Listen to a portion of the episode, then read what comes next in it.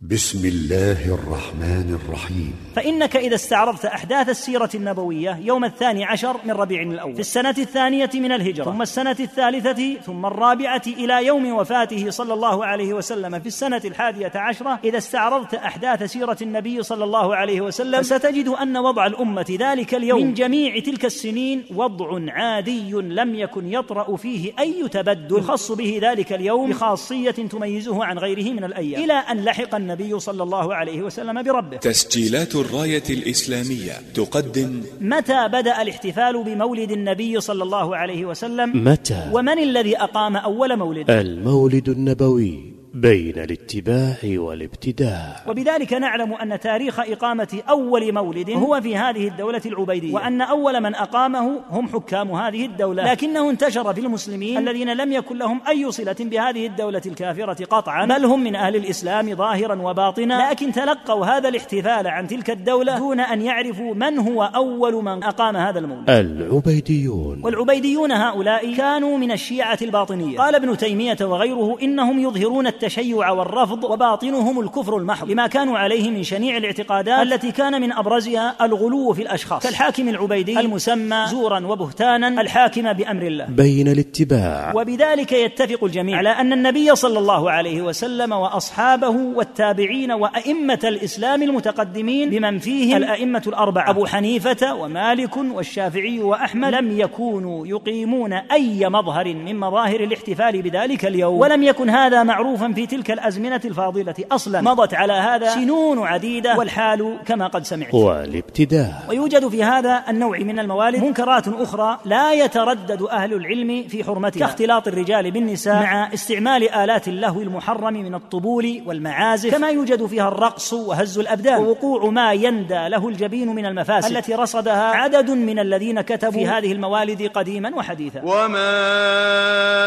آتاكم الرسول فخذوه وما نهاكم عنه فانتهوا. واتقوا الله إن الله شديد العقاب. بين الاتباع. وهذا الاحتفال بمولده صلى الله عليه وسلم لو كان مشروعا لما تأخر صلى الله عليه وسلم عن بيانه. فإن الله تعالى قد أمره بالبلاغ. قال يا أيها الرسول بلغ ما أنزل إليك من ربك. وإن لم تفعل فما بلغت رسالته. والابتداع. سبحان الله العظيم. هل يكرم رسول الله صلى الله عليه وسلم بفعل القبائح والموبقات والشرك الصريح الذي بعث لهدمه وتطهير الأمة من رجسه؟ سلفنا. فانحصر الأمر بينكم وبين السلف في واحد من أمرين. إما أن السلف غفلوا عن حق من حقوق نبي الله صلى الله عليه وسلم. ولم يتفطنوا له. مع دلالة النصوص عليه حتى أتيتم أنتم بدقيق استنباطكم ولطيف علمكم فوصلتم في حقوق المصطفى صلى الله عليه وسلم إلى ما لم يصلوا وهذا يعني أن لدى السلف تقصيرا قبيحا في جانب فهم النصوص. إذ غفلوا عما ترشد إليه الأدلة في أمر عظيم يتعلق بحق النبي صلى الله عليه وسلم. فبقي هذا الحق معطلا حتى أتى المتأخرون فوصلوا إلى مراد الله ومراد رسوله صلى الله عليه وسلم بعد أن أغفله السلف وأئمة الإسلام سنين عددا. المولد النبوي بين الاتباع والابتداع. محاضرة لفضيلة الشيخ الدكتور عبد الله ابن عبد العزيز العنقري والتي ألقيت بمسجد النخيل. بحي العريجة بمدينة الرياض في يوم الجمعة الموافق للثامن من شهر صفر لعام ألف وأربعمائة وأربعة وثلاثين من الهجرة النبوية. الحمد لله رب العالمين صلى الله وسلم على عبده ورسوله نبينا محمد وعلى آله وصحبه أجمعين. أما بعد فإن مسألة الاحتفال بالمولد النبوي قد تناولها أهل العلم المتأخرون وصنفت فيها المصنفات وصدرت بشأنها فتاوى وظلت يتناقش فيها المتناقشون ويتناظر في حكم في حكمها المتناظرون. ونظرا لكون هذه المسألة مما يتكرر ذكرها كل عام في شهر ربيع الأول منه فقد اقترح بعض إخواني من أهل العلم أن أعرضها في محاضرة عامة كما سبق وأن عرضت عددا من الموضوعات في هذا المسجد المبارك جزا الله القائمين على أنشطته العلمية كل خير. وسأطرح مسألة موضوع الاحتفال بالمولد النبوي من جهة حكمه في الفقرات الآتية. الفقره الأولى متى ولد نبي الله صلى الله عليه وسلم سيد ولد آدم؟ اختلف أهل العلم رحمهم الله في تحديد وقت ولادته فالجمهور على أنه في شهر ربيع الأول. لكنهم اختلفوا في أي أيام هذا الشهر ولد. فقال بعضهم ولد صلى الله عليه وسلم لليلتين خلتا منه. وقيل لثمان وقيل لعشر وقيل لثنتي عشرة وقيل لسبعة عشر منه. وقيل ذلك وقيل غير ذلك. وذلك عام الفيل أي في العام الذي غزت فيه الحبشة مكة لهدم الكعبة. أما القول بأنه صلى الله عليه وسلم ولد في رمضان فهو قول بعيد والمشهور ما تقدم.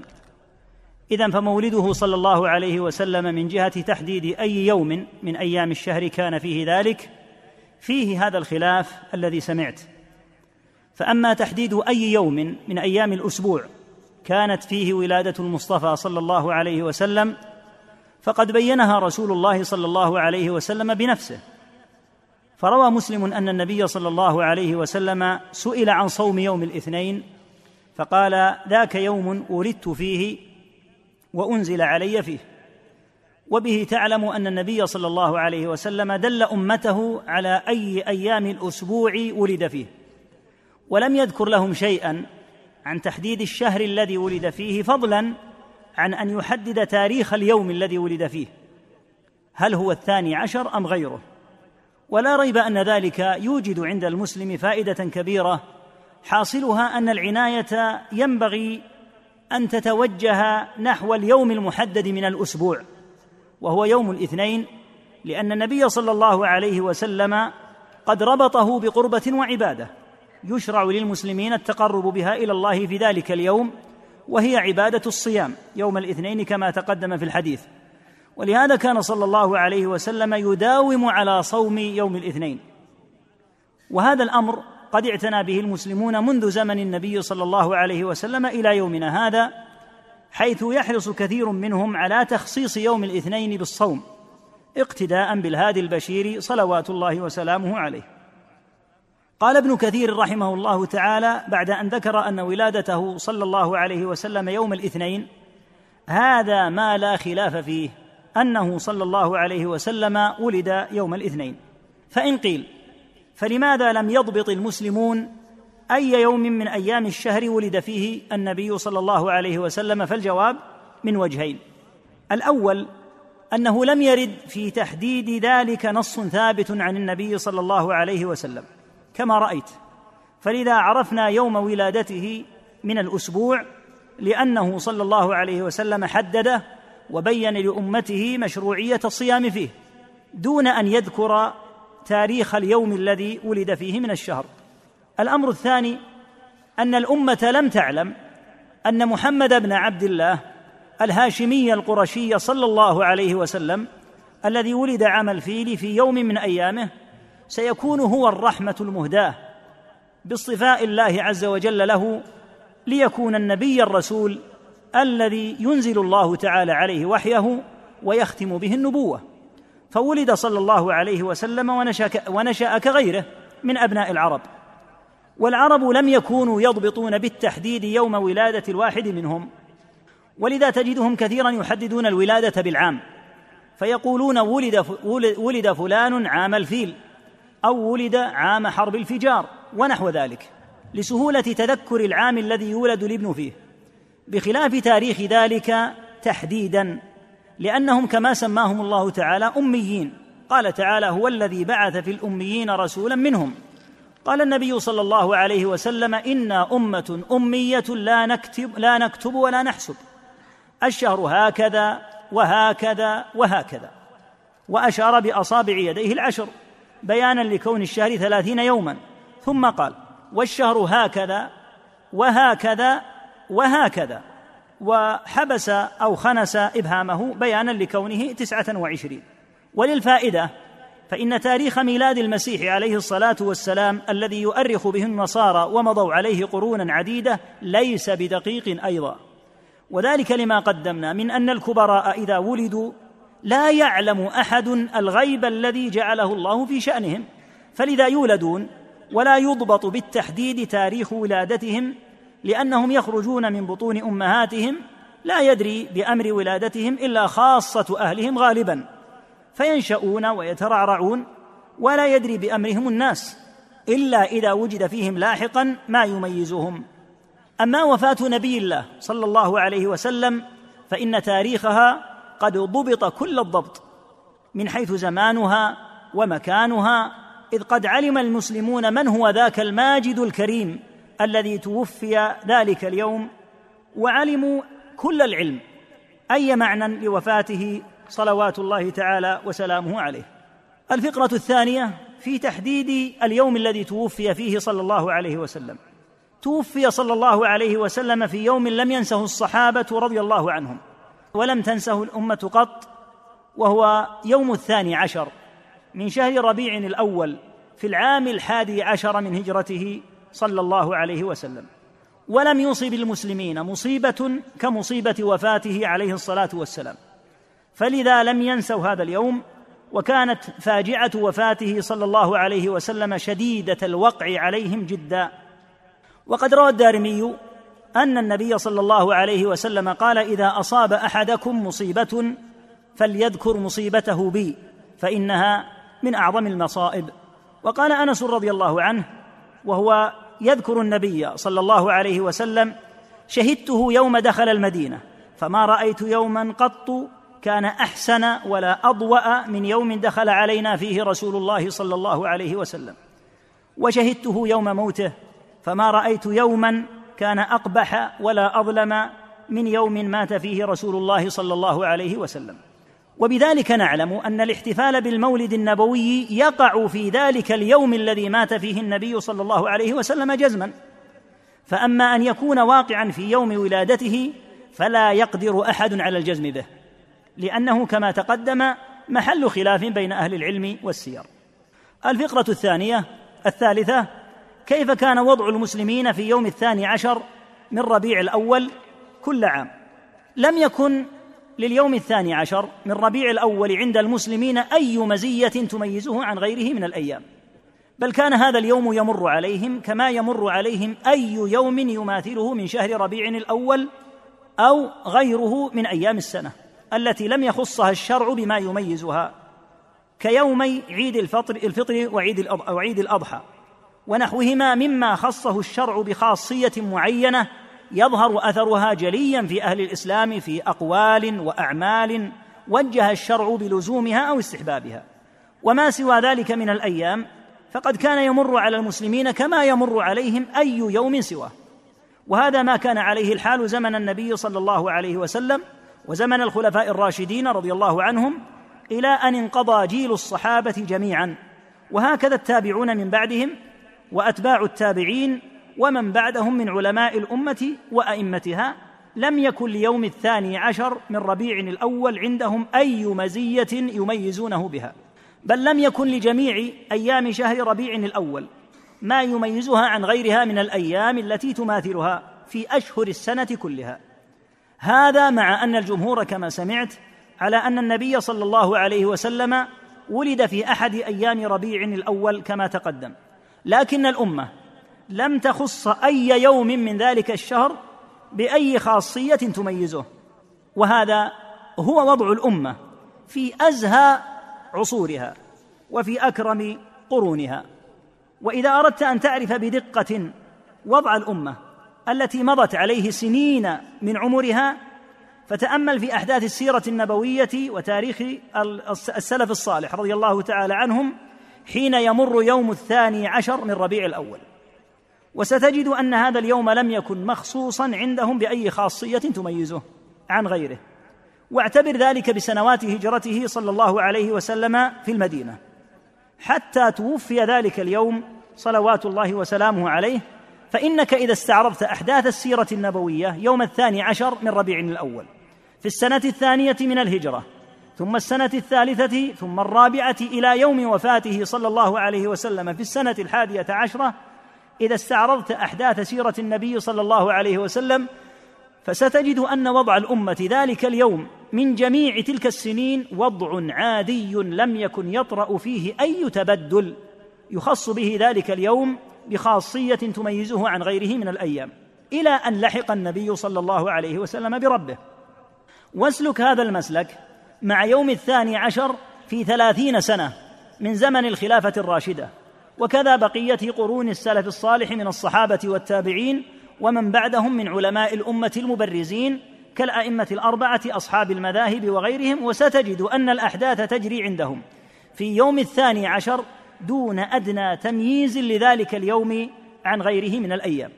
واعلم أن هذا القدر الذي ذكرته عن اليوم الثاني عشر عند الأمة في تلك الأزمنة الفاضلة محل اتفاق بحمد الله بين المانعين لإقامة الاحتفال بالمولد وبين المستحسنين له لأنه أمر يسهل ضبطه والوصول فيه إلى نتيجة من خلال التتبع التاريخي لأحداث السيرة النبوية والآثار الواردة عن الصحابة ومن بعدهم.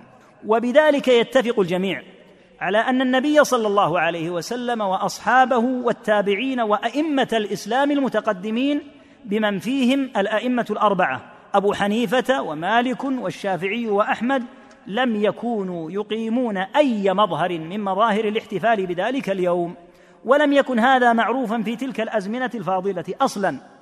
مضت على هذا سنون عديدة والحال كما قد سمعت. وهذا يفتح الباب للفقرة الآتية وهي الفقرة الرابعة. متى بدأ الاحتفال بمولد النبي صلى الله عليه وسلم؟ ومن الذي أقام أول مولد؟ ذكر المقريزي رحمه الله تعالى في الخطط أن الاحتفال بالمولد النبوي كان وقت العبيديين في ضمن مجموعة من الاحتفالات يقيمونها منها موسم رأس السنة وموسم أول العام ويوم عاشوراء ومولد النبي صلى الله عليه وسلم وموالد أخرى لعلي والحسن والحسين وفاطمة رضي الله عنهم وموسم الغدير موسم عيد الغدير المعروف عند الشيعة ويوم النوروز المعروف عند الفرس قبل الإسلام وقد وصف المقريزي في الخطط الموائد التي كان العبيديون يعدونها وما كان فيها من الأطعمة والحلوى وذكر الاحتفال بالمولد أيضا زمن العبيديين القلقشندي في صبح الأعشى. وكذلك نسبها للعبيديين مفتي الديار المصرية الشيخ محمد بخيت المطيعي الحنفي رحمه الله في كتابه أحسن الكلام فيما يتعلق بالسنة والبدعة من الأحكام. والعبيديون هؤلاء هم الذين يسمون خطا بالفاطميين كما قد نبه على خطأ هذه التسمية عدد من أهل العلم لأنهم ليسوا من نسل فاطمة رضي الله تعالى عنها بل أصولهم تعود إلى يهود في المغرب ادعوا أنهم ينتسبون لفاطمة رضي الله عنها وهو انتساب باطل كما قد نبه على ذلك غير واحد من أهل العلم كالباقلاني وابن تيمية وابن كثير وغيرهم. والعبيديون هؤلاء كانوا من الشيعة الباطنية. قال ابن تيمية وغيره إنهم يظهرون التشيع والرفض وباطنهم الكفر المحض لما كانوا عليه من شنيع الاعتقادات التي كان من أبرزها الغلو في الأشخاص كالحاكم العبيدي المسمى زورا وبهتانا الحاكم بأمر الله حيث كانوا يؤلهونه من دون الله ويسجدون له وكان متظاهرا بسب الصحابة رضي الله عنهم وكتب سبهم على أبواب المساجد وحاول أن ينقل جسد النبي صلى الله عليه وسلم من المدينة إلى القاهرة لكن الله أخزاه وأفشل مسعاه. وقد قتل هذا الحاكم عددا كبيرا من العلماء والأماثل قال ابن تغري بردي أعدادهم لا تحصى. واعتقاد هذا الرجل في العبادات اعتقاد غيره من الباطنية. لذا سعى عام أربعمائة من الهجرة إلى إلغاء الزكاة وحاول أن يعدل بعض أحكام الحج إلى غير ذلك من البلايا المعروفة عنه وأعظمها ادعاء الألوهية جهرة عام أربعمائة وثمانية. والحاكم هذا هو الذي تعظمه اليوم الطائفة الدرزية الموجودة بالشام رفيقة الطائفة النصيرية التي سبق شرح حالها في العام الماضي. والحاصل أن الدولة العبيدية من أشر الدول التي نشأت في البلاد الإسلامية وكان أهل العلم يفتون بكفر تلك الدولة ولا يترددون إلى أن فرج الله تعالى للأمة فغزيت وأنهي وجود تلك الدولة. وليس الإشكال في هذه الدولة مقصورا على واحد من حكامها كالحاكم هذا بل جميع حكامها هذا حالهم. لفساد اعتقادهم الباطني وكان مما ظهر في دولتهم تعيين الوزراء من اليهود والنصارى وهذا ما لم يكن معروفا قبلهم. مع تسليطهم على المسلمين فتسلط أولئك الوزراء فآذوا المسلمين أذية عظيمة. وفي دولتهم الخبر المشهور عن امرأة مسلمة كتبت لأحد حكام هذه الدولة وهو المسمى بالعزيز بالله نزار كتبت له بالذي أعز اليهود بمن شاء والنصارى بابن نسطورس وأذل المسلمين بك إلا نظرت في أمري. وبذلك نعلم أن تاريخ إقامة أول مولد هو في هذه الدولة العبيدية وأن أول من أقامه هم حكام هذه الدولة. لكنه انتشر في المسلمين الذين لم يكن لهم أي صلة بهذه الدولة الكافرة قطعا بل هم من أهل الإسلام ظاهرا وباطنا. لكن تلقوا هذا الاحتفال عن تلك الدولة دون أن يعرفوا من هو أول من أقام هذا المولد. ولعل بعض جهالة المسلمين يظن أن هذا الاحتفال كان موجودا زمن النبي صلى الله عليه وسلم أو زمن السلف. أما القول بأن أول من أقام المولد هو الملك المظفر صاحب إربيل عام خمسة وعشرين وستمائة فهذا غير صحيح. بل الأمر قبله بدهر زمن الدولة العبيدية. والملك المظفر كغيره من المسلمين قلد في هذا الاحتفال ولم يبتدئه. ومع ذلك فليس فعله حجة كما أن فعل الملوك والحكام ليس حجة في نفسه. الفقرة الخامسة في الأسماء التي تطلق على الاحتفال بالمولد والأعمال التي تقام فيه. يسمى الاحتفال بالمولد في بالموالد في بعض البلاد بالمواسم. فيقال موسم فلان لأنهم يفعلونه موسميا أي في العام مرة واحدة. ويسمى في بعض البلاد الزرد جمع زردة لما فيه من ازدراد الأطعمة أي ابتلاعها تلك الليلة. ويسمى في بعض البلاد الحضرة حيث يعتقد المقيمون لهذا الاحتفال أن روح النبي أو الولي الذي يقيمون له الاحتفال تحضر معهم. أما الأعمال المقامة في الموالد فمتفاوتة فمنها موالد يقتصر فيها على ذكر قصة مولد النبي صلى الله عليه وسلم وبيان نسبه الشريف مع صلوات وسلام عليه صلى الله عليه وسلم وسرد لمدائح نبوية سليمة من الغلو.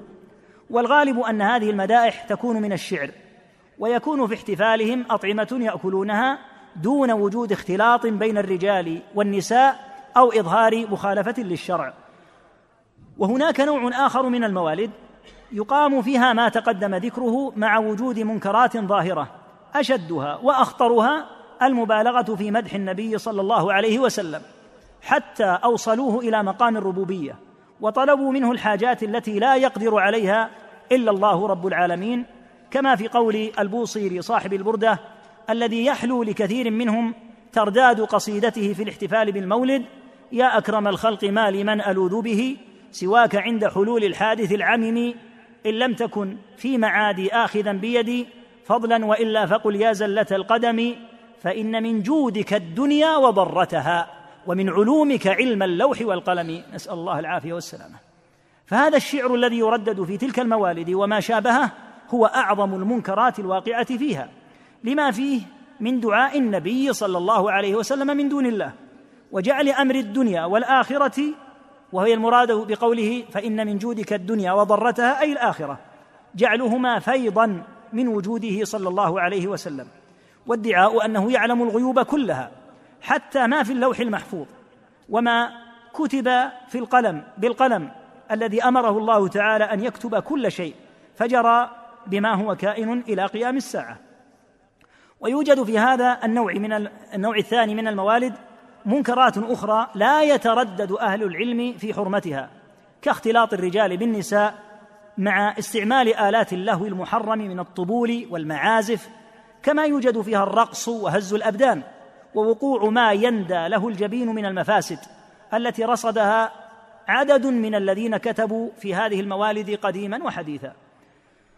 وبذلك نعلم أن أصحاب النوع الأول من الموالد الذين ليس لديهم في احتفالاتهم أي من الشركيات أو المحرمات يتفقون مع غيرهم من أهل العلم على أن الاحتفال الذي تصحبه تلك المنكرات من الباطل الذي لا يترددون في إنكاره. ولذا سعوا إلى تبرئة أنفسهم من أن يجمع بينهم وبين أصحاب الموالد الأخرى وأكدوا في كتاباتهم التي دافعوا بها عن احتفالاتهم أن من الظلم العظيم أن يقارن بينهم وبين المحتفلين الآخرين وقالوا لأهل العلم المانعين للموالد نحن معكم يدا واحدة على الإنكار على أولئك المبطلين الذين اتخذوا من هذا الاحتفال طريقا للشرك وعمل الدناءات المذكورة. ثم إن هذا الصنف من المستحبين للموالد الذين أخلوها من الشركيات والكبائر ذكروا مجموعة من الحجج مستدلين بها على مشروعية إقامة هذا الاحتفال يأتي بعون الله تعالى ذكرها في فقرة مستقلة.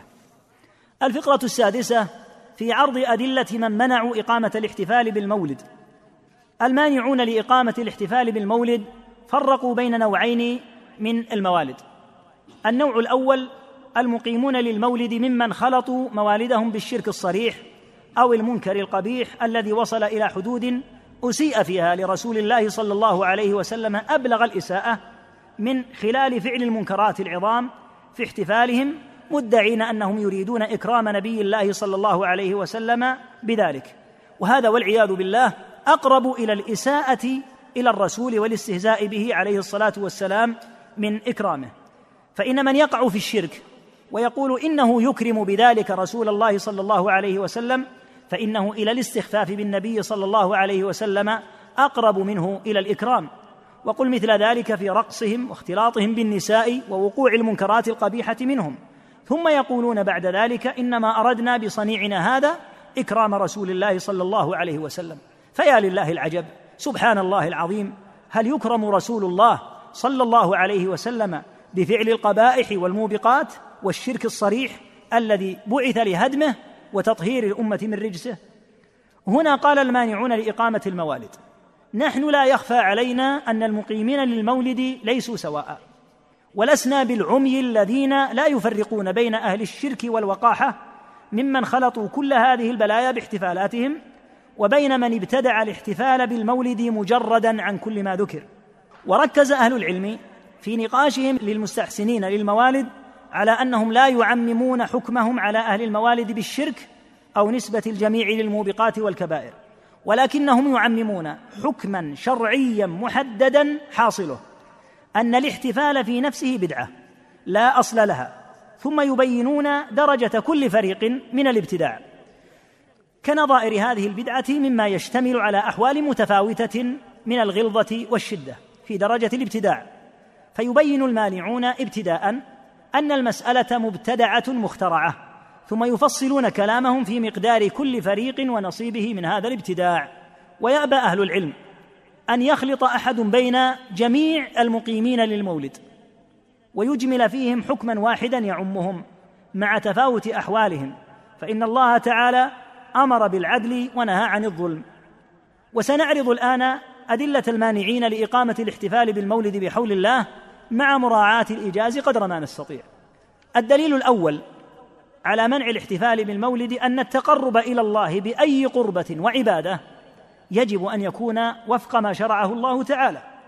وإحداث وإحداث الاحتفال بالمولد النبوي قربة يتقرب بها أصحابها دون أن يكون لديهم دليل واحد من كتاب الله أو سنة نبيه صلى الله عليه وسلم أو عمل السلف الصالح رضي الله عنهم. وما كان بهذه المثابة فلا ينبغي التردد في الحكم بأنه بدعة لا يجوز للأمة أن تعملها. وذلك أن أي أمر يتعلق بالنبي صلى الله عليه وسلم وبحقوقه معدود شرعا ضمن القرب العظيمة التي بينتها الأدلة أتم البيان. بحيث تجلى للمسلم. ما الذي ما الذي يتوجب عليه من رعاية حق المصطفى صلى الله عليه وسلم؟ وقد أتم الله تعالى لنا الدين واستغنينا بنصوصه عن إحداث المحدثين. فكيف يقيم المحتفلون بالمولد هذا الاحتفال؟ رعاية لحق النبي صلى الله عليه وسلم في زعمهم دون أدنى مستند من كتاب الله أو سنة نبيه صلى الله عليه وسلم. وهنا قال المانعون قد علم من هدي النبي صلى الله عليه وسلم أنه كان يرد على الواحد من أصحابه العمل الذي أراد به رعاية حق المصطفى صلى الله عليه وسلم إذا كان ذلك على غير هديه. كما فعل مع معاذ رضي الله عنه. فإن معاذا حين قدم اليمن أو الشام رأى النصارى تسجد لبطارقتها وأساقفتها. فلما قدم المدينة قال يا رسول الله رأيت النصارى تسجد لبطارقتها وأساقفتها فروأت في نفسي أنك أحق أن تعظم يعني بالسجود. فقال صلى الله عليه وسلم لو كنت امرا احدا أن يسجد لأحد لأمرت المرأة أن تسجد لزوجها. الحديث رواه أحمد. فمعاذ رضي الله عنه إنما قصد إكرام النبي صلى الله عليه وسلم وإعلاء قدره لكن النبي صلى الله عليه وسلم أبى ذلك عليه. لأن أي إكرام لجناب المصطفى صلى الله عليه وسلم يجب أن يكون على وفق الأدلة الشرعية. بل إن النبي صلى الله عليه وسلم زجر بعض أصحابه عما هو دون هذا. فلما قال له رجل يا رسول الله ما شاء الله وشئت؟ قال جعلت لله ندا. قل ما شاء الله وحده. ولما قال له قوم يا خيرنا وابن خيرنا ويا سيدنا وابن سيدنا. قال قولوا بقولكم أو بعض قولكم. ولا يستهوينكم الشيطان. أنا محمد ابن عبد الله رسول الله. والله ما أح... عبد أنا محمد رسول الله. عبد الله ورسوله والله ما أحب أن ترفعوني فوق منزلتي التي أنزلني الله عز وجل. وهل أراد معاذ رضي الله عنه بما اقترح من السجود؟ وهل أراد أولئك الصحب بما قالوا إلا رعاية حق نبيهم صلى الله عليه وسلم لكن النبي صلى الله عليه وسلم أبى ذلك عليهم جميعا لأن مسألة حقوق النبي صلى الله عليه وسلم على أمته تؤخذ من الأدلة فحسب كما هو شأن غيرها من المسائل العبادية التي لا بد فيها من الدليل والاحتفال بالمولد مما لم يقم عليه دليل ولهذا لم يعرف في الأمة في عصر الصحابة والتابعين بل إنما عرف في وقت دبت فيه الغربة وعلى يد العبيديين الباطنيين وما كان بهذه المثابة فكيف يجرؤ مسلم على فعله؟ ومن قال إن إن هذا الاحتفال أمر مشروع مع ذلك وهو بالحال الذي ذكرنا فإن بإمكان أحد أن يخترع بهذه الطريقة ما شاء من البدع ويضيفها لدين الله بدعوى أنه محب لنبي الله صلى الله عليه وسلم قائم بحقوقه. فعند ذلك لن تميز الأمة بين حقوقه المنصوصة شرعا وحقوقه المخترعة فيلتبس الحق بالباطل. وهذا الاحتفال بمولده صلى الله عليه وسلم لو كان مشروعا لما تأخر صلى الله عليه وسلم عن بيانه. فإن الله تعالى قد أمره بالبلاغ فقال يا أيها الرسول بلغ ما أنزل إليك من ربك وإن لم تفعل فما بلغت رسالته. وقالت أم المؤمنين عائشة رضي الله عنها من حدثك أن محمدا كتم شيئا مما أنزل الله عليه فقد كذب والله يقول يا أيها الرسول بلغ ما أنزل إليك من ربك. وقد بين صلى الله عليه وسلم لأمته ما يتوجب عليه من حقه ليؤدوه ولا يفرطوا فيه فيأتموا فإن حقه صلى الله عليه وسلم دين يلزم الأمة أن تقوم به كما شرعه الله. فمن فرط في ذلك أثم وتعرض لعقوبة الله. ألا ترى أن النبي صلى الله عليه وسلم لما بين ما الواجب على الأمة في أمر محبته جلاه صريحا بقوله لا يؤمن أحدكم حتى أكون أحب إليه من والده وولده والناس أجمعين. فقال عمر رضي الله عنه لأنت يا رسول الله أحب إلي من كل شيء إلا من نفسي. فقال لا والذي نفسي بيده حتى أكون أحب إليك من نفسك. فقال عمر فإنك الآن والله أحب إلي من نفسي. فقال الآن يا عمر. فتأمل كيف راجع النبي صلى الله عليه وسلم عمر رضي الله عنه في أمر محبته حتى تأكد له أن عمر قد قدمه في الحب على نفسه. كل ذلك من باب البلاغ الذي أوجب الله على نبيه أن يؤديه وخوفا على الأمة أن تفرط في هذا فتأثم لأن كل ذلك من الحقوق الواجبة له صلى الله عليه وسلم على أمته. فالواجب عليه صلى الله عليه وسلم بيانها وتجليتها حتى لقد بلغ صلى الله عليه وسلم في أم بلغ أمته في أمر الصلاة والسلام عليه. فأخبر أن من صلى عليه صلاة واحدة صلى الله عليه بها عشرا وبين لأمته أن البخيل هو من ذكر عنده هذا النبي الكريم ولم يصلي عليه صلوات الله وسلامه عليه. فكل هذا البلاغ وكل هذا البيان في شأن حق من حقوقه. وحقه صلى الله عليه وسلم هو أعظم حق بعد حق الله تعالى. فكيف بعد كل هذا لا يبين لأمته أن احتفالهم بمولده من حقوقه ولا سيما وقد سئل عن يوم الاثنين فبين أنه يوم ولد فيه وسن لأمته أن يصوموا وأمسك عن ذكر أي شيء يتعلق بالاحتفال بمولده. قال المانعون وهذا وهل شيء أعجب من بعد المحتفلين عن الدليل من كونهم يقفون على حديث فيه أن النبي صلى الله عليه وسلم يخبر بأنه ولد يوم الاثنين ثم يبين لأمته عملا عباديا محددا وهو الصوم ولا يعرج بتاتا على الاحتفال بمولده في مقام كان حديثه فيه عن يوم ولادته وعما يشرع للأمة أن تعمل في ذلك اليوم. فلماذا لم يبين أفصح الناس وأبلغهم وأعظم نبي بلغ رسالة؟ لماذا لم يبين في هذا المقام أمر أمر الاحتفال به؟ واكتفى بأمر يتعلق بالصيام. أفلو كان الاحتفال مشروعا؟ أكان يغفله في مثل هذا المقام؟ وهل من تأخير البيان عن وقته مع شدة الحاجة إليه أبلغ من هذا لو كان الاحتفال مشروعا؟ ثم وصل المانعون إلى نتيجة محددة. وهي أن الاحتفال بالمولد من حيث هو استدراك شنيع على النبي صلى الله عليه وسلم وتقدم بين يديه وإظهار له صلى الله عليه وسلم بمظهر من قصر في البلاغ حتى أتمه له هؤلاء المحتفلون. إذ ذكر مشروعية الصيام وهو في هذا اليوم من النوافل مشروعية الصيام الصيام يوم الاثنين وهو من النوافل بينما لم يذكر مشروعية أمر كبير يتعلق بحقوقه صلى الله عليه وسلم.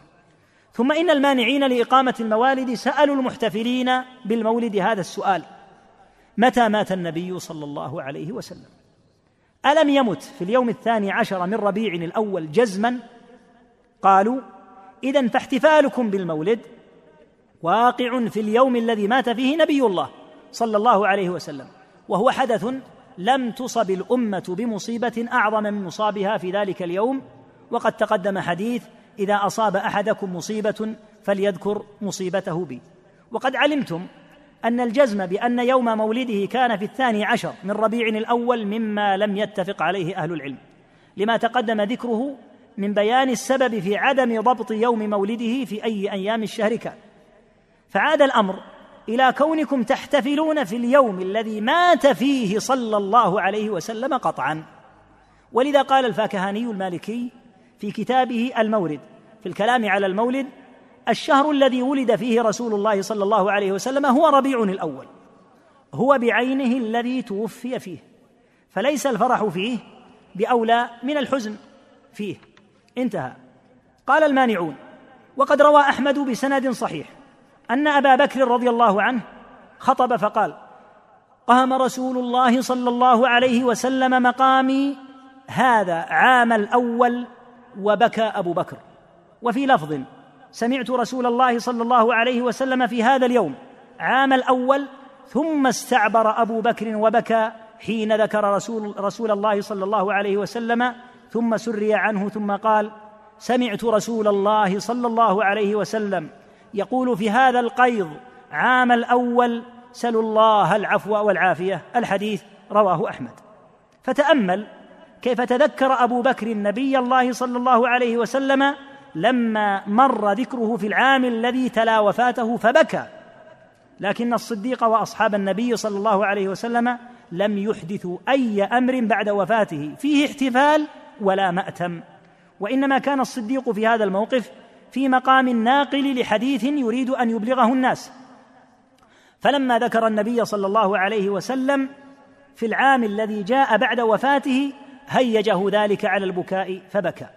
ولما لم يكن مشروعا في يوم موت النبي صلى الله عليه وسلم أن يظهروا الحزن أو يجعلوا ذلك اليوم مأتما أو يجعلوا ذلك اليوم مأتما لما في ذلك من الابتداع الذي لم يأذن به الله لم يفعل الصحابة ولا الصد... لم يفعل الصديق ولا الصحابة رضي الله عنهم ذلك. فكذلك يقال في اتخاذ هذا اليوم فرحا.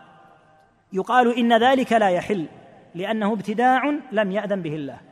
قال المانعون فالواجب على الأمة أن تبقي الأوضاع يوم الثاني عشر من ربيع الأول كما كان عليه الحال زمن النبي صلى الله عليه وسلم وأصحابه رضي الله عنهم.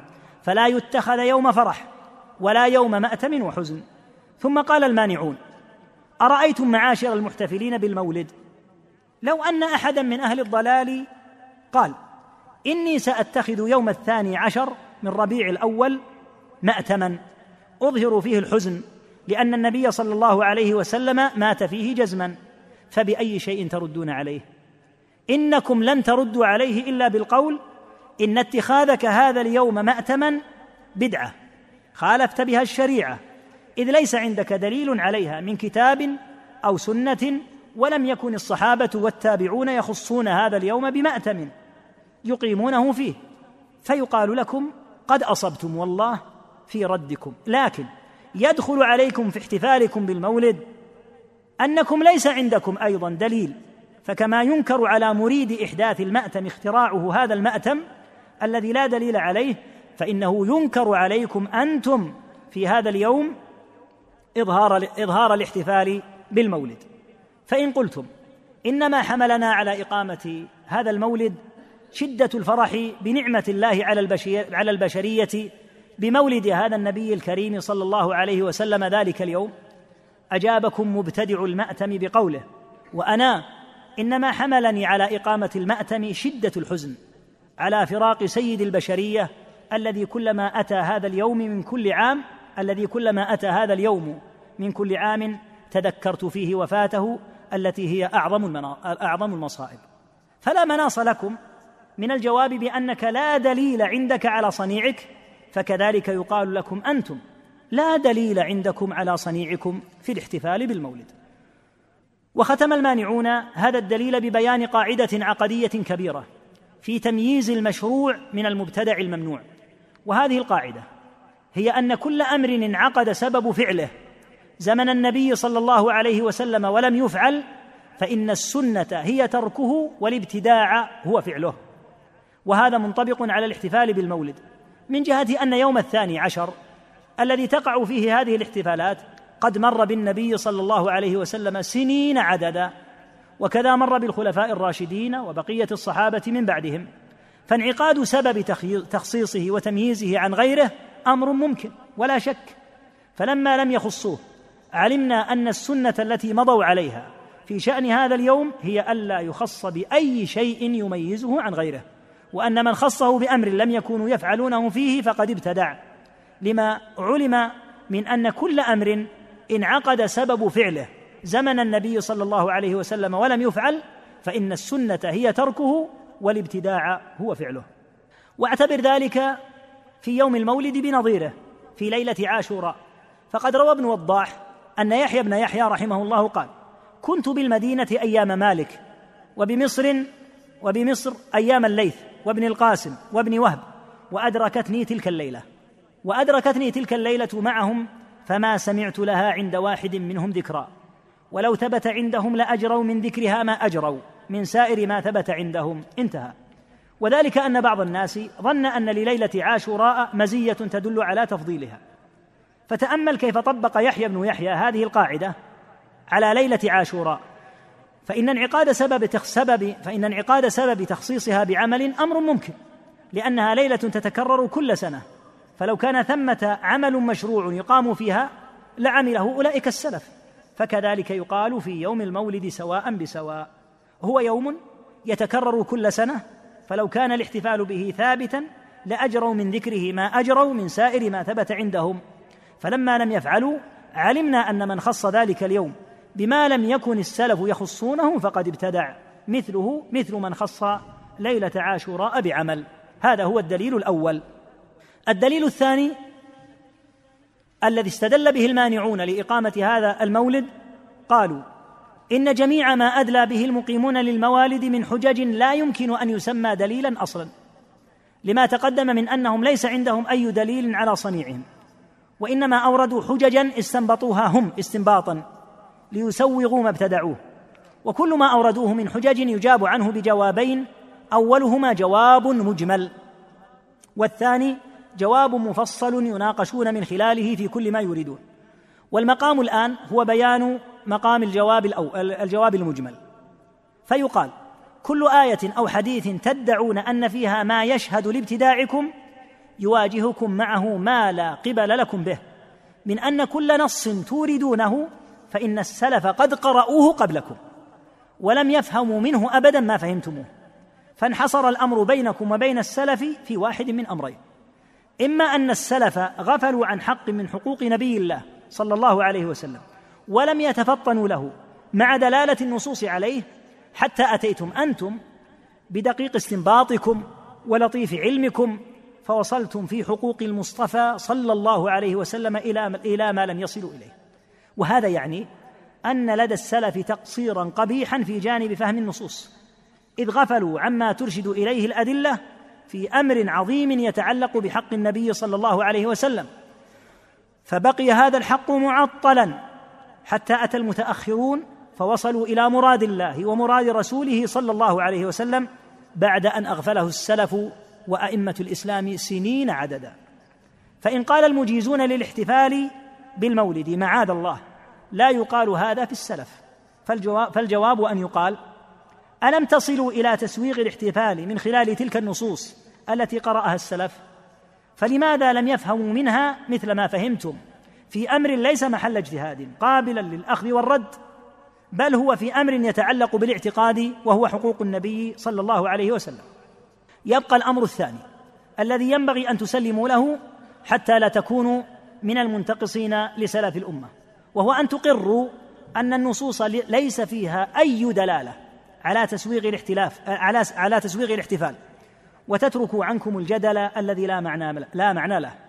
ومن هنا فإن عمر بن عبد العزيز رحمه الله أوصى أحد أمرائه الذين سألوه عن البدع أوصاه أن يرضى بما رضي به السلف لأنفسهم.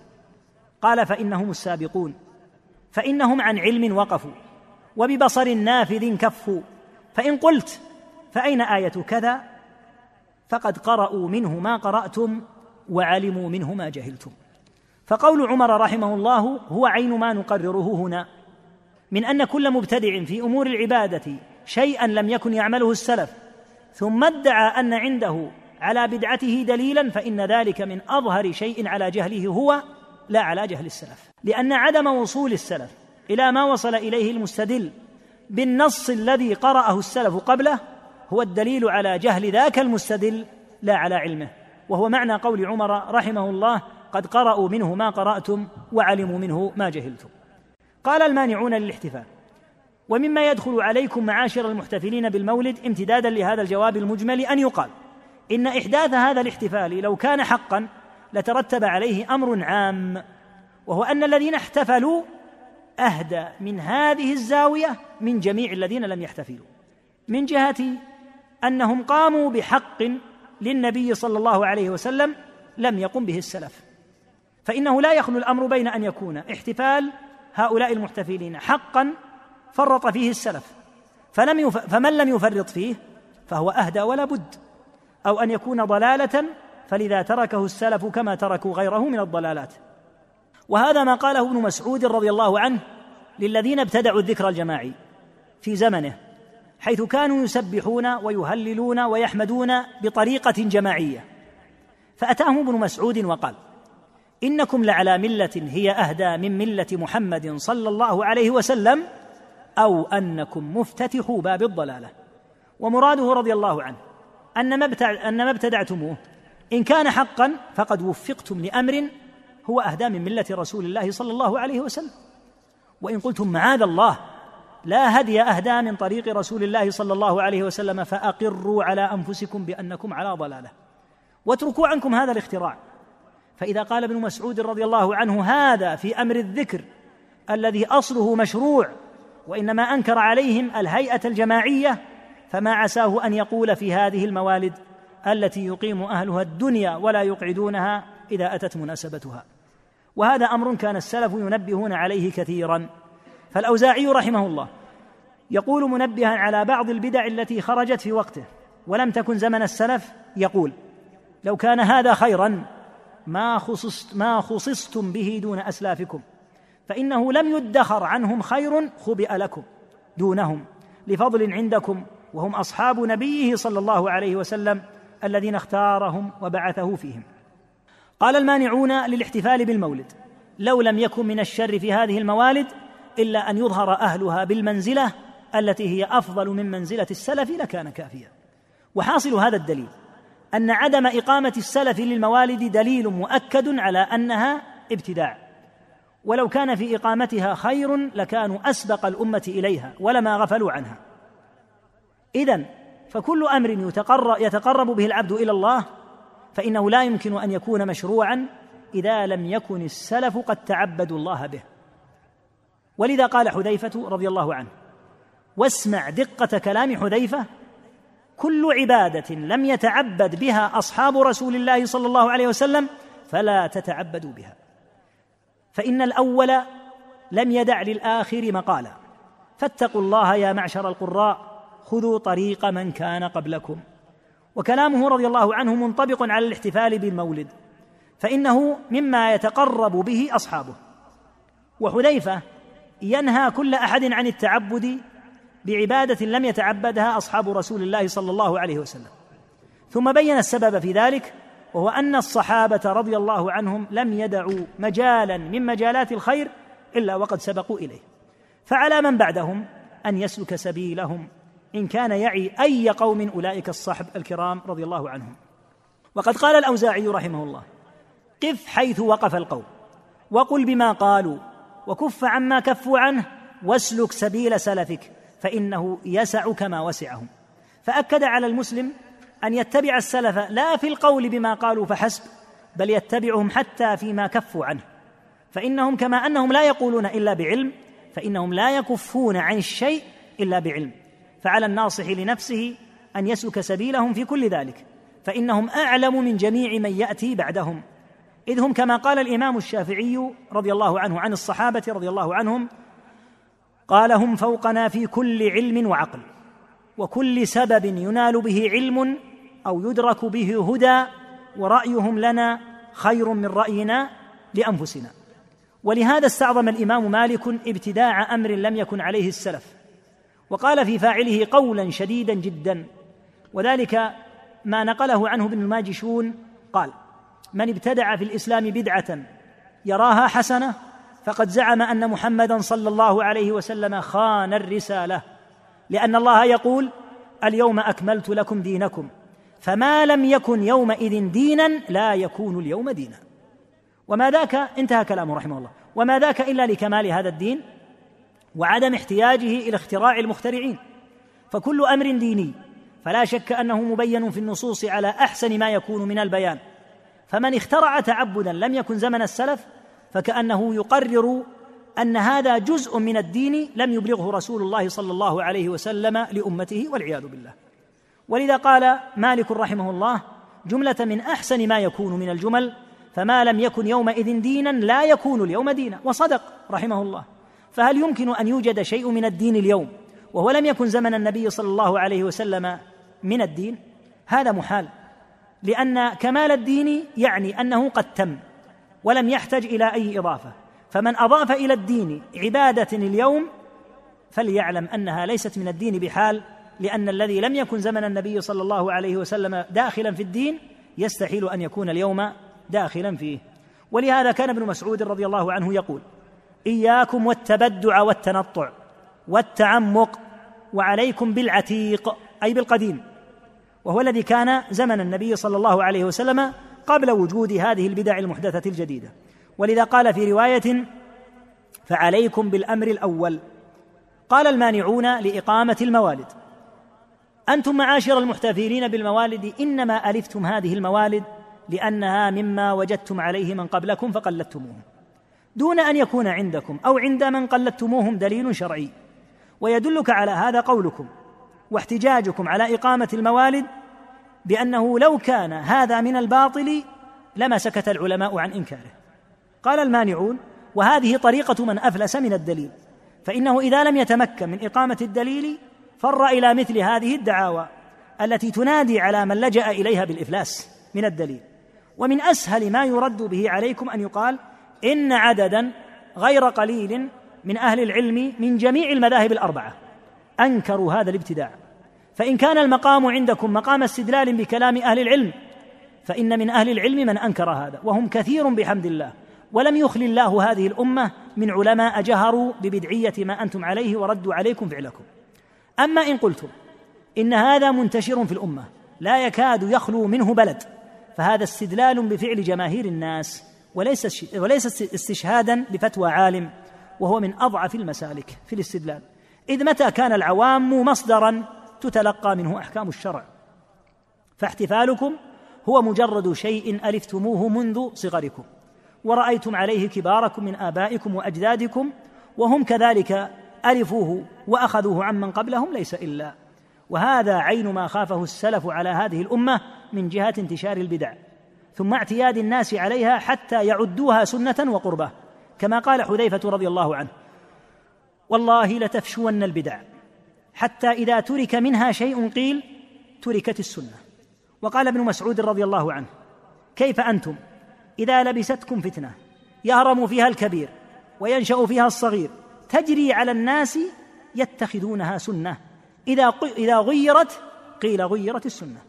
فمسألة احتفالكم بالمولد مسألة اعتياد وإلف لعادة درج عليها الناس وليس الأمر فيها أمر دليل أو برهان وهذا أمر واقع في كثير من البدع يألفها الناس ويستمسكون بها أشد الاستمساك وليس عندهم من دليل والعجيب أن من هذه البدع المنكرة التي ألفها الناس بدعا ينكرها المقيمون للموالد ويفتون بالمنع منها لأنها لا دليل عليها. ويذكرون أن انتشارها ليس هو الذي يسوغ فعلها. قالوا بل هي منكرة وإن بلغ انتشارها كل مبلغ. قال المانعون فكذلك يقال لكم. وإن بلغ انتشار الاحتفال بالمولد ما بلغ فليس ذلك بالذي يسوغ لأحد فعله. الدليل الثالث من أدلة المانعين أن قالوا للمحتفلين بالمولد إن احتفالكم بالمولد تشبه ظاهر بالنصارى في احتفالهم بميلاد المسيح عليه الصلاة والسلام. قال المانعون بعد أن بينا أن هذا الاحتفال لا دليل عليه من كتاب الله ولا من سنة نبيه صلى الله عليه وسلم ولا من عمل السلف الصالح رضي الله عنهم فإن من المهم أن نبين أن هذا الاحتفال بالمولد مما تلقاه المسلمون وأخذوه عن غيرهم إذ من المعلوم الذي لا يخفى أن النصارى ظلوا يحتفلون بميلاد المسيح عليه الصلاة والسلام منذ قرون. ولم يكن هذا الاحتفال امرا يخفى على السلف. ولذا تجد عنهم فتاوى كثيرة في حكم حضور المسلم احتفال أهل الكتاب بأعيادهم والأكل من طعامهم. وهذا الاحتفال بميلاد المسيح وما شابهه من أعياد الكفار مما لم يكن السلف وعلماء الأمة يعيرونه أي اهتمام إلا من جهة بيان الحكم في حضور المسلم لتلك الأعياد. أما أن تكون تلك الأعياد الجاهلية ذات مضمون يهم السلف ويحملهم على التفكير بفعل مثله فمعاذ الله. إذ كانوا أرسخ في العلم وأتقى لله من أن يصنعوا ذلك. والحق أن تلك الأعياد التي أقامها النصارى وغيرهم كانت شيئا لا يعبأ به السلف ولا يرفعون به راسا بل كانوا يحمدون الله أن عافاهم مما عليه أولئك المغضوب عليهم والضالون. فلما جاء المتأخرون الذين قل نصيبهم من العلم ولم يكونوا راسخين على هدي السلف الصالح نقلوا هذه البدعة من النصارى إلى المسلمين فانتشرت حتى ألفت مع كونهم يعلمون أن السلف نهوا عن التشبه بطرائق أهل الكتاب عامة سواء في أعيادهم أو غيرها. قال المانعون للاحتفال بالمولد إذا تأملت سيرة النبي صلى الله عليه وسلم وجدت الصحابة رضي الله عنهم لحبهم له صلى الله عليه وسلم قد يعرضون عليه أن يصنعوا معه ما يصنعه النصارى مع كبرائهم. وكان مقصد الصحابة من ذلك هو إكرام رسول الله صلى الله عليه وسلم ورعاية حقه لكنه صلى الله عليه وسلم كان يرفض ذلك رفضا تاما وينهاهم عنه.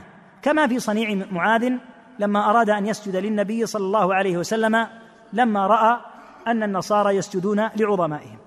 وواضح من فعل معاذ وتبريره أنه إنما أراد إعظام حق رسول الله صلى الله عليه وسلم بأخذ شيء مما يصنعه أهل الكتاب بكبرائهم وجعله لمن هو أعظم الناس حقا وأولاهم بالتوقير والإكرام لكن النبي صلى الله عليه وسلم أبى ذلك كما تقدم.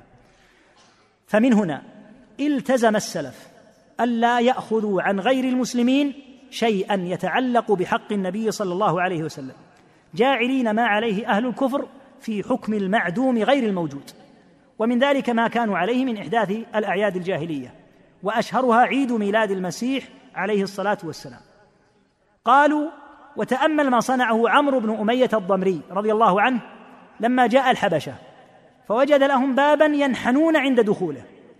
فدخل عمرو رضي الله عنه معطيا الباب قفاه فغضب الاحبش وقال عمرو إنا لا نصنع هذا بنبينا. وجواب عمرو هذا يدل على رسوخ كبير للصحابة رضي الله عنهم في البعد التام عن التشبه بأهل الكفر في تعظيمهم. فإنه لما كان هذا المكان موضعا تعظمه النصارى بالانحناء أنف هذا الصحابي الكريم أن يصنع ذلك. إذ لو صح أن يعظم مخلوق بالانحناء لعظم رسول الله صلى الله عليه وسلم به. فلما لم يصلح ذلك للنبي صلى الله عليه وسلم لم يصلح ذلك لغيره من باب أولى. فعمر رضي الله عنه لم يقل ما دام هؤلاء يعظمون هذا المكان فلنتشبه بهم ولنفعل ذلك من النبي صلى الله عليه وسلم أحب الناس إلينا وأعظمهم حقا علينا. لعلم عمرو رضي الله عنه بأن النبي صلى الله عليه وسلم يأبى ذلك كما أباه على معاذ رضي الله عنه حين اقترح السجود. ويقرر صلى الله عليه وسلم للأمة أن تتلقى أمر حقوقه صلى الله عليه وسلم من الأدلة وأن تجتنب طريق المغضوب عليهم والضالين من اليهود والنصارى. قال المانعون هذا التأسي بالنصارى من قبل المحتفلين بالمولد في اتخاذهم يوما يجعلونه عيدا للمسيح هو من أدل ما في هذا المولد من الابتداع. فإنه حين خلا من دليل الكتاب والسنة ثم خلا من فعل السلف ليستدلوا على مشروعيته بقي مجرد أمر تبعت فيه جماهير الناس ما ابتدعه العبيديون في تأسيهم بالنصارى في أعيادهم حيث كانوا يقيمون عيد رأس السنة كما تقيمه النصارى وأقاموا الاحتفال بالمولد تأسيا بالنصارى أيضا. وقد أخبر النبي صلى الله عليه وسلم أن في هذه الأمة من سيقع في التأسي بأهل الكتاب وتتبع طرائقهم الباطلة. فقال صلى الله عليه وسلم لتتبعن سنن من كان قبلكم شبرا شبرا وذراعا ذراعا حتى لو دخلوا جحر رب تبعتموهم. قلنا يا رسول الله اليهود والنصارى؟ قال فمن؟ وفي لفظ فمن القوم إلا أولئك. ورواه عبد الله بن عمرو بقوله أن النبي صلى الله عليه وسلم قال لتر لتركبن سنة من كان قبلكم حلوها ومرها. فهذا الأمر العظيم في تأسي هؤلاء بالنصارى في احتفال النصارى بالمسيح عليه الصلاة والسلام هو دال على ما في هذا الاحتفال من البلاء المستطير. والقول فيه كالقول في نظائره المبتدعة التي تشبه فيها من قل نصيبه من العلم بأهل الكفر. والواجب على الأمة حيال كل ما وقعت فيه من هذه الطرائق المستمدة من أهل الكفر أن تكف عنها وتعود للنبع الصافي العذب الذي كان عليه نبيها صلى الله عليه وسلم وصحبه الكرام رضي الله تعالى عنهم وأرضاهم.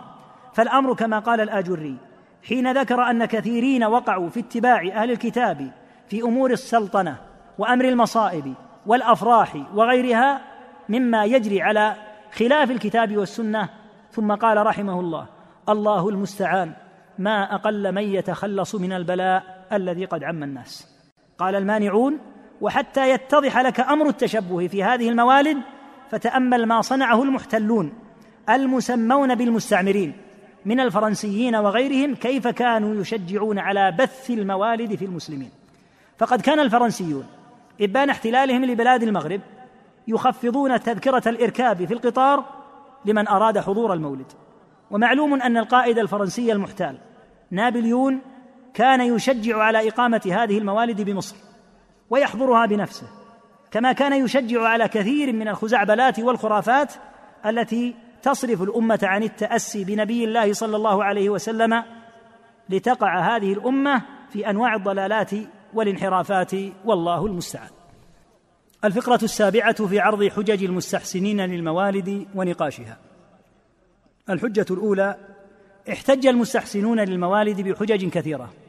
غير أن الملاحظ في أكثر هذه الحجج أنها تعود في الواقع إلى حجة واحدة حاصلها أن احتفالهم بالمولد قد جمع محاسن عديدة منها اولا أن فيه كثرة الصلاة والسلام على رسول الله صلى الله عليه وسلم قالوا ثانيا من محاسنه بيان سيرته الكريمة وذكر نسبه الشريف ثالثا تذكر المسلم لنبيه ذلك اليوم فيزداد حبا له. رابعا إعلان الفرح بولادته صلى الله عليه وسلم لما يدل عليه من محبة النبي صلى الله عليه وسلم. خامسا إطعام الطعام وفيه الأجر الكبير. خامسا جمع الناس على الخير من قراءة القرآن وذكر الله. وهذه المحاسن التي يذكرونها يجعلون كل واحدة منها دليلا مستقلا فيقولون الدليل الأول. ثم إذا فرغوا من الأولى قالوا الدليل الثاني. وهكذا حتى اجتمعت لديهم من هذا الجنس أمور عديدة. كثرت بها الأوراق وطال بها النقاش. ولو أنهم حصروها لاختصروا على أنفسهم وعلى غيرهم عناء إطالة الكلام وتنويعه. في أمر واحد لا يعدوه. فلو قالوا الدليل الأول أن فيه من المحاسن كذا وكذا لحصروا الكلام. أما جعل كل واحدة دليلا مستقلا فليس بوجيه لما ذكرته لك. وقد أجاب المانعون عن كل ما ذكروا بقولهم إن من أعظم الغفلة وأشد الجفاء أن يعامل رسول الله صلى الله عليه وسلم من قبل أحد من أمته هذه المعاملة. وأن يجعل صلى الله عليه وسلم في مثل هذا المقام الذي لا يليق.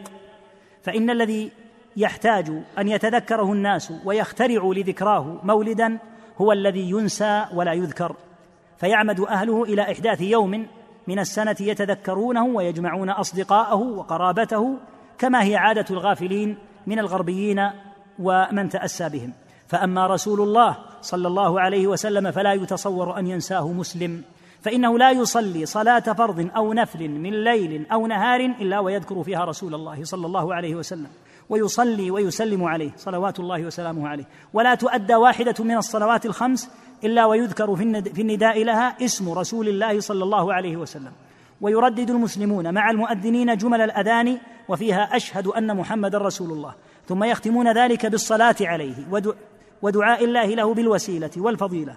وأن يبعثه الله المقام المحمود. وهذا يقع في العام الواحد نحو من ألف وثمانمائة مرة بعدد الصلوات الخمس. منها خمس مرات في اليوم الثاني عشر من ربيع الأول الذي يجتمع فيه هؤلاء لاحتفالهم. وقد قال مجاهد رحمه الله تعالى في المراد بقوله تعالى ورفعنا لك ذكرك. قال لا أذكر إلا ذكرت معي. أشهد أن لا إله إلا الله وأشهد أن محمدا رسول الله. وقال قتادة ذكره في الدنيا والآخرة. فليس خطيب ولا متشهد ولا صاحب صلاة إلا ينادي بها. أشهد أن لا إله إلا الله وأن محمدا رسول الله. وقال حسان رضي الله عنه وضم الإله اسم النبي إلى اسمه إذا قال في الخمس المؤذن أشهد. والمواضع التي شرع لنا فيها الصلاة والسلام عليه صلوات الله وسلامه عليه بحمد الله كثيرة متعددة. ولم يزل المسلمون يحافظون على الصلاة عليه في هذه المواضع بحمد الله منذ قرون. وهذه المواضع تجدها مبسوطة بأدلتها في الكتاب الماتع الذي صنفه الحافظ ابن القيم في موضوع الصلاة على النبي صلى الله عليه وسلم كتاب جلاء الأفهام. في فضل الصلاة والسلام على محمد خير الأنام صلى الله عليه وسلم. قال المانعون فأما الذي لن تنبعث همته للصلاة والسلام على نبيه ولن يتذكره إلا إذا جاء يوم الثاني عشر من ربيع الأول ودعي لحضور احتفال بمولده ليذكر نبيه صلى الله عليه وسلم ويكثر من الصلاة والسلام عليه ثم إلى مثلها من العام القادم فهذا جلف جافي. لا يعرف قدر نبي الله صلى الله عليه وسلم ولا يعرف قدر الصلاة والسلام عليه. قال المانعون ويقال مثل هذا في كل ما أوردتموه من المحاسن كنشر كنسر كنشر سيرته وذكر نسبه الشريف صلى الله عليه وسلم. فإن الواجب على الأمة أن تلتزم في تعليمها في طول بلاد الإسلام وعرضها بدءا بما قبل المرحلة الابتدائية ووصولا إلى التعليم الجامعي العالي في مراحله كلها أن تلتزم وضع مناهج لتدريس سيرة النبي صلى الله عليه وسلم وأن ينشر في الأمة هذا ويلتزم حتى وإن كانت دراسة الطلاب في المجالات غير المتخصصه في الشرع كالطب والهندسة. فلا يسوغ ابدا أن يتخرج طبيب أو مهندس أو غيرهما ممن يكونون في بلاد المسلمين وقد قصرت المناهج الدراسية على تخصصاتهم الصرفة وكأنما هم متخصصون من الدارسين في بلاد الكفر. بل الواجب أن يميز المسلمون تعليمهم وأن ينشروا فيه كل ما يتعلق بهديه صلى الله عليه وسلم وسيرته وأن يربى الطلاب والطالبات على تمثل مواضع الأسوة والقدوة من سيرته صلى الله عليه وسلم واقعا حيا. وهكذا الإعلام. بجميع وسائله. يجب أن يبنى على أساس من لزوم هدي النبي صلى الله عليه وسلم ونشر سيرته وسنته وإصلاح هذا الجهاز وفق هدي رسول الله صلى الله عليه وسلم. لا أن يكون مقصورا على تغطية أحداث ليلة تقام فيها الموالد ثم ينسى رسول الله صلى الله عليه وسلم في تلك الوسائل الإعلامية إلى مثلها من العام القادم. قال المانعون الحاصل أن على المسلمين ألا يرضوا لأنفسهم في تعاملهم مع نبيهم صلى الله عليه وسلم بأسلوب أهل الجفاء. الذي من أشد مظاهره الا يكون تذكره صلى الله عليه وسلم إلا عند المناسبات. ثم قال المانعون وبناء عليه يقال لمسوغي الموالد اتركوا كثرة التفريعات التي لا طائل تحتها. فكل ما ذكرتم من المحاسن من الذكر وإطعام الطعام وغيرها مما تقدم ذكره قد شرع الله للأمة التقرب به في كل وقت. وقصره على ليلة واحدة فيه مفسده كبيرة لم تتفطن لها. وهي أن أولاد المسلمين ينشؤون تنشئة قاصرة تربي فيهم جانب جعل سيرة النبي صلى الله عليه وسلم وتذكره إنما يكون عند مناسبة واحدة في السنة. كما هو صنيع الكفار مع من يعظمونهم تماما حيث يجعلون لهم تلك الاحتفالات الموسمية خاصة مع تسميتكم لاحتفالكم هذا بالعيد. عيد مولد النبي صلى الله عليه وسلم. فإن الناشئة قد اعتادت مثلا في عيد الأضحى أن يروا التضحية ببهيمة الأنعام ثم يغيب عنهم هذا الأمر لصغرهم وقلة درايتهم إلى مثلها من العام القادم لأنهم لا يعرفون عيدا تذبح فيه الأضاحي إلا عيدا واحدا. فكذلك يتربى هؤلاء إذا جعل للنبي صلى الله عليه وسلم عيد يجتمعون فيه وتذكر لهم سنته وسيرته ويطلب منهم تلك الليلة.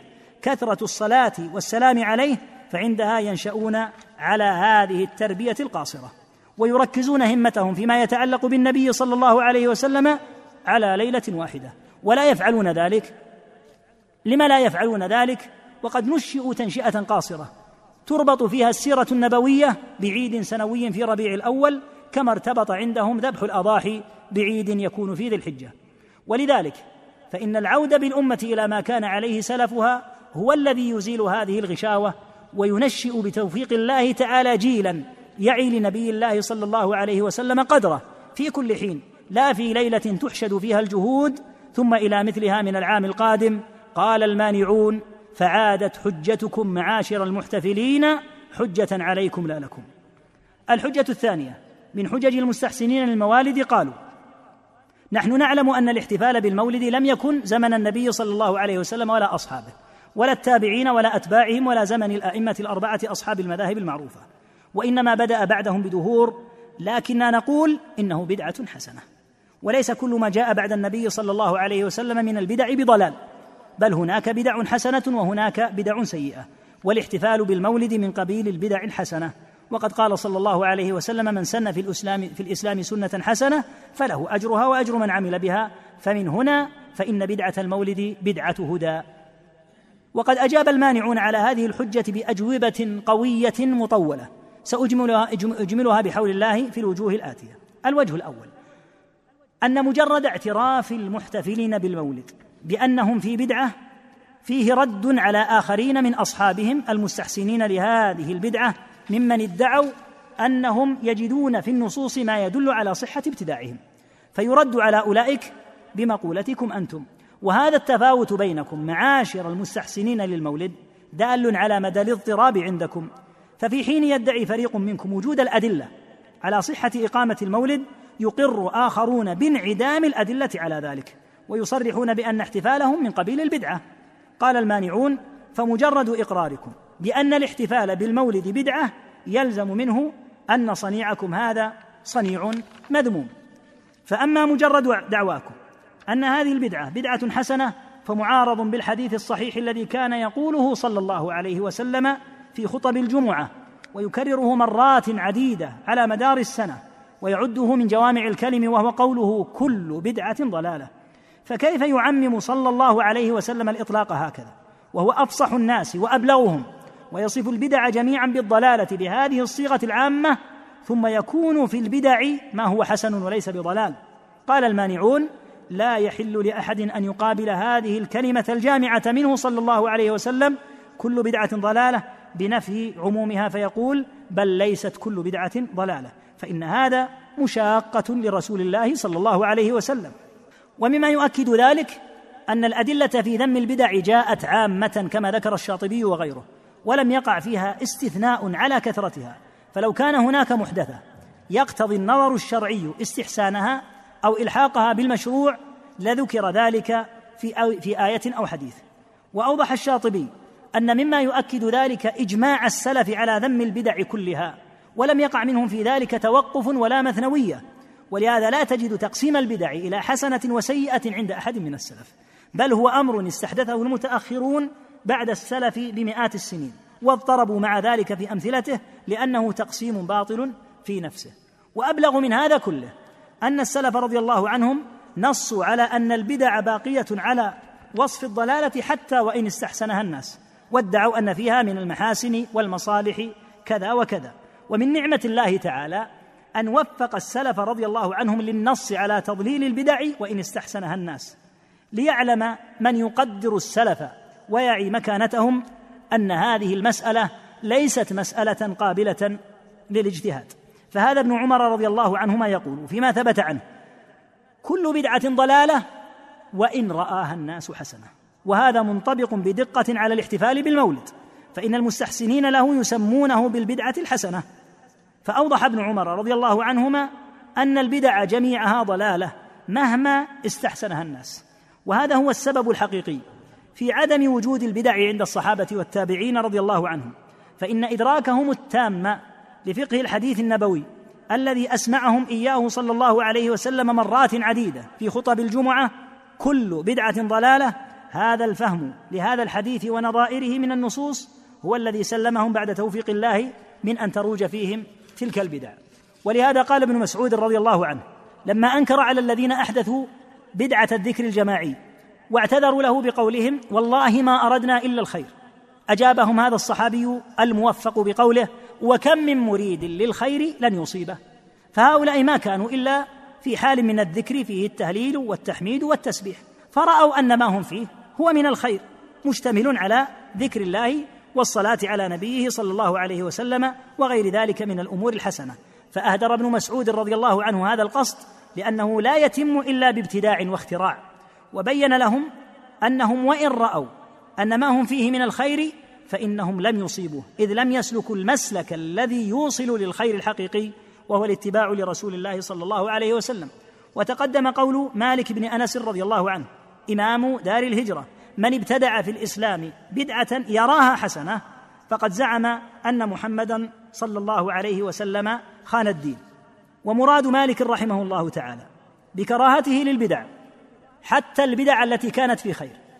كما روى عنه ابن وضاح رحمه الله تعالى أنه قال أنه كان يكره كل بدعة وإن كانت في خير ومعنى كراهيته للبدع وإن كانت في خير عين ما يذكره المحتفلون بالمولد من أنهم يجدون فيه من الخير والمحاسن ذكر الله والصلاة والسلام على رسوله ونحو ذلك.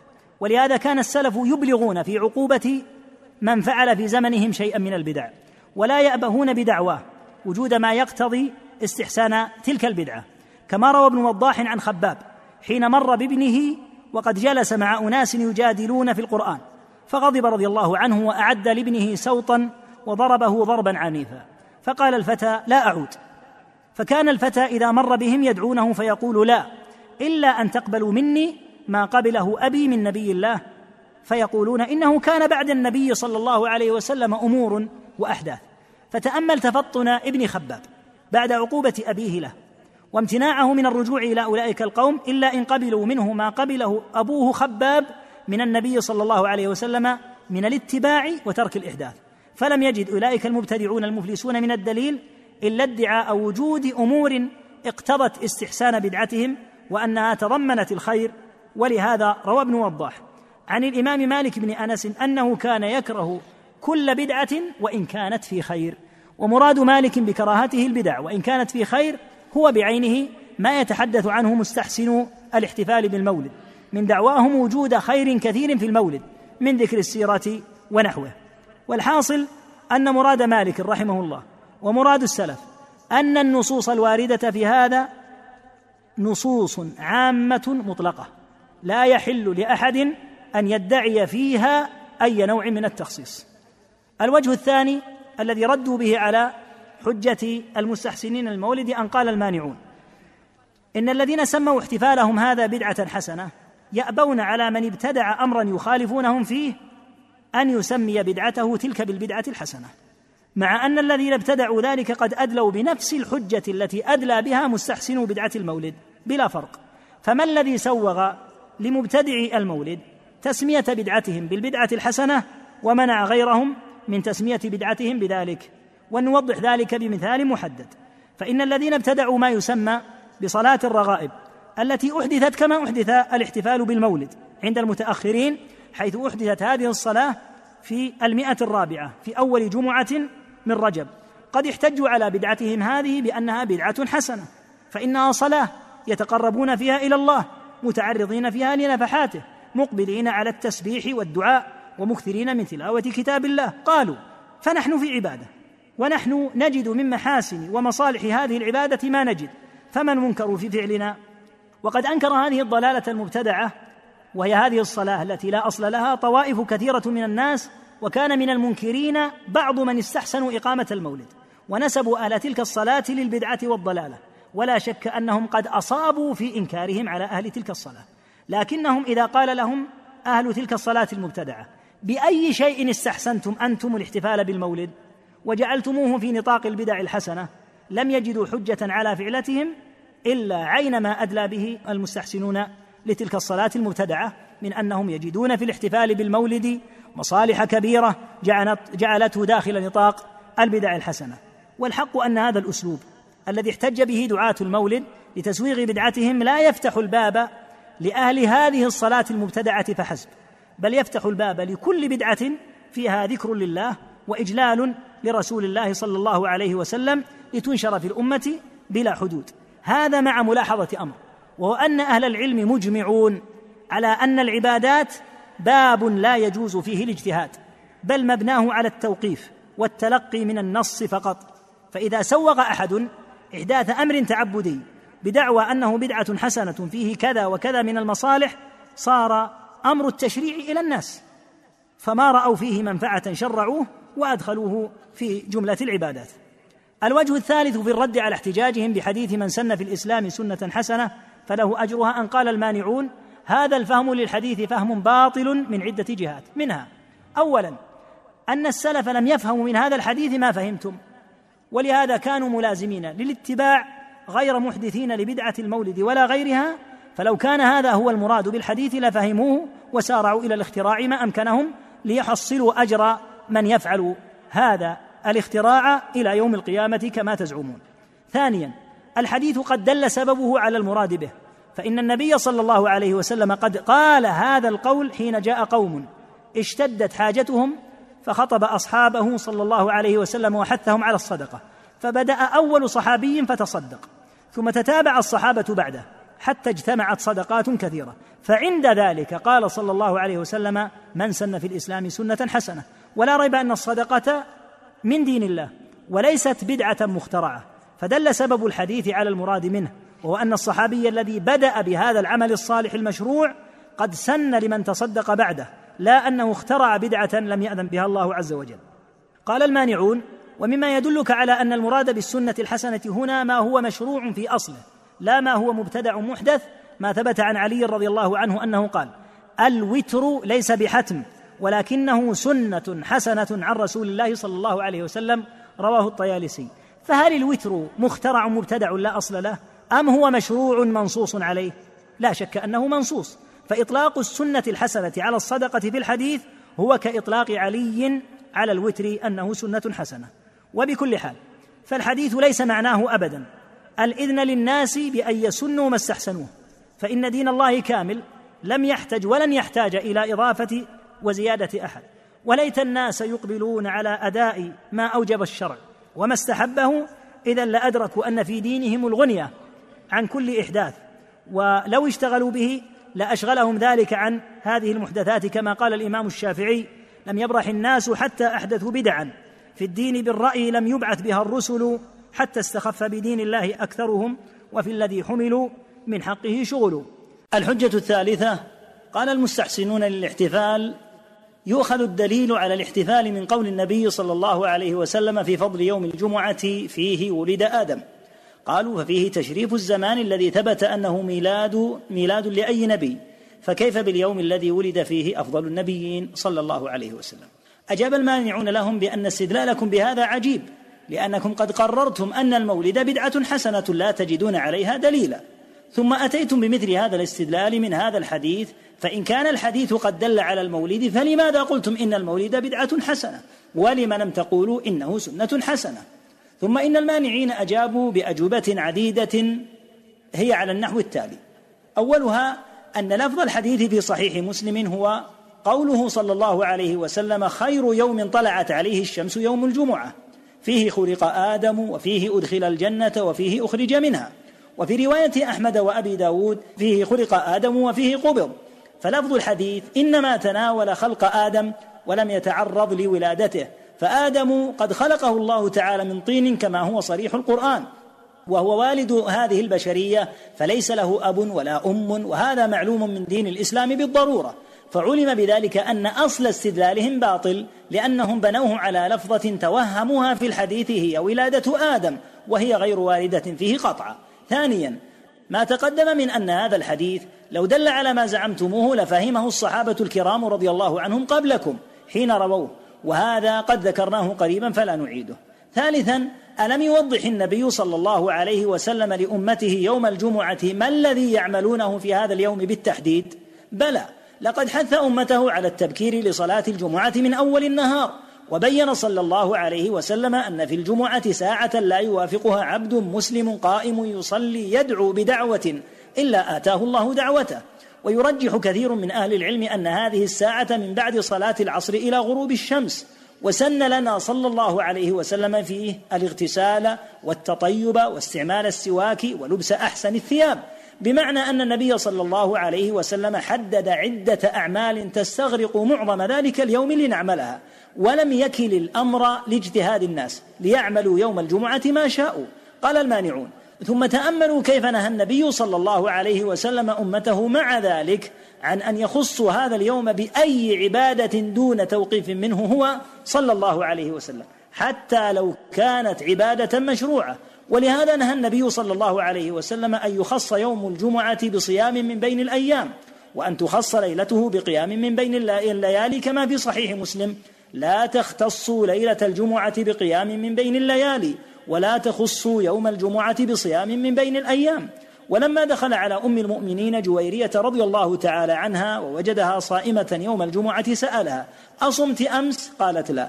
قال تريدين أن تصومي غدا؟ قالت لا. قال فأفطري. فمنع صلى الله عليه وسلم أن يخص أحد يوم الجمعة بعبادة من بين الأيام حتى ولو كان هذا التخصيص بعبادة مشروعة محبوبة لله تعالى كالصلاة والصيام. وهذا كله في يوم جاء النص الثابت بتحديده وخصه النبي صلى الله عليه وسلم والمسلمون بأعمال مشروعة محددة فيه. فكيف يقاس عليه الاحتفال بيوم ولد فيه النبي صلى الله عليه وسلم وهو يوم لم يعرف بالتحديد؟ بل قد اختلف فيه ثم لو فرض أنه عرف فمن يجرؤ على أن يخصه بشيء وهو يرى أن النبي صلى الله عليه وسلم ينهى عن تخصيص الجمعة بعبادة عظيمة كالصلاة والصيام دون توقيف منه هو صلى الله عليه وسلم. أما استدلال المحتفلين على صنيعهم بورود الدليل بأن آدم ولد يوم الجمعة كما قالوا فيوم ولادة النبي صلى الله عليه وسلم أولى بالتعظيم فأجاب عنه المانعون بقولهم سبحان الله ما أعجب هذا الاستدلال؟ هل يبين أفصح الناس وأنصحهم لأمته ما يتعلق بخلق آدم الذي سميتموه أنتم ولادة آدم؟ ولا يفصح عما يتعلق بمولده هو أليست حاجة الأمة لبيان ما يتعلق بنبيها أعظم من حاجتها لبيان ما يتعلق بآدم عليهما الصلاة والسلام؟ ثم قال المانعون من الذي قال إن الأعمال المشروعة يوم الجمعة متعلقة أصلا بخلق آدم؟ الذي ورد في يوم الجمعة بشأن آدم أنه خلق يوم الجمعة وفي الحديث نفسه أنه مات يوم الجمعة أيضا فلو احتج عليكم أحد لمشروعية إقامة أعمال معينة يوم موت نبينا صلى الله عليه وسلم لورود الدليل بوفاة آدم يوم الجمعة فهل يكون لاستدلاله عندكم وعندنا وجه؟ اللهم لا. اذا فكذلك استدلالكم. وأمر آخر هل المتعلق بآدم يوم الجمعة له أدنى شبه بما تفعلونه أنتم يوم المولد حتى تقيسوا عليه؟ فهل يشرع في يوم الجمعة ذكر سيرة آدم وجمع الناس على بيان فضائله والصلاة والسلام عليه حتى تقيسوا ما تصنعونه أنتم في احتفالكم بالمولد عليه؟ هذا مع العلم أن القياس في باب العبادات ممنوع لأن مبناها على التلقي من النصوص وليست محلا للاجتهاد أصلا ولكن يقال هذا على سبيل التنزل. وثمة أدلة أخرى أوردها المستحسنون لإقامة الاحتفال بالمولد هي في غاية من الضعف والتهافت.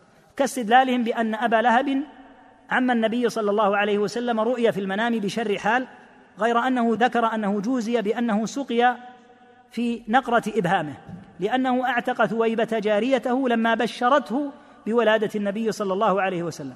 وهذا من عجيب الاستدلالات لأنها قصة مرسلة هذا أولا أرسلها عروة ثم إنها رؤيا منام لا يثبت بها حكم إلى غير ذلك من الاستدلالات التي يتضح ضعفها بأدنى تأمل. يبقى أمر يتعلق بعوام المسلمين الذين يقيمون الموالد. فإن كثيرا من الناس يقول إنهم لا يريدون باحتفالهم إلا إرضاء الله ولا يقصدون معاندة نبي الله صلى الله عليه وسلم وإنما حملهم على ذلك الذي فعلوه من بذل الأموال والأولاد والأوقات حبهم لرسول الله صلى الله عليه وسلم.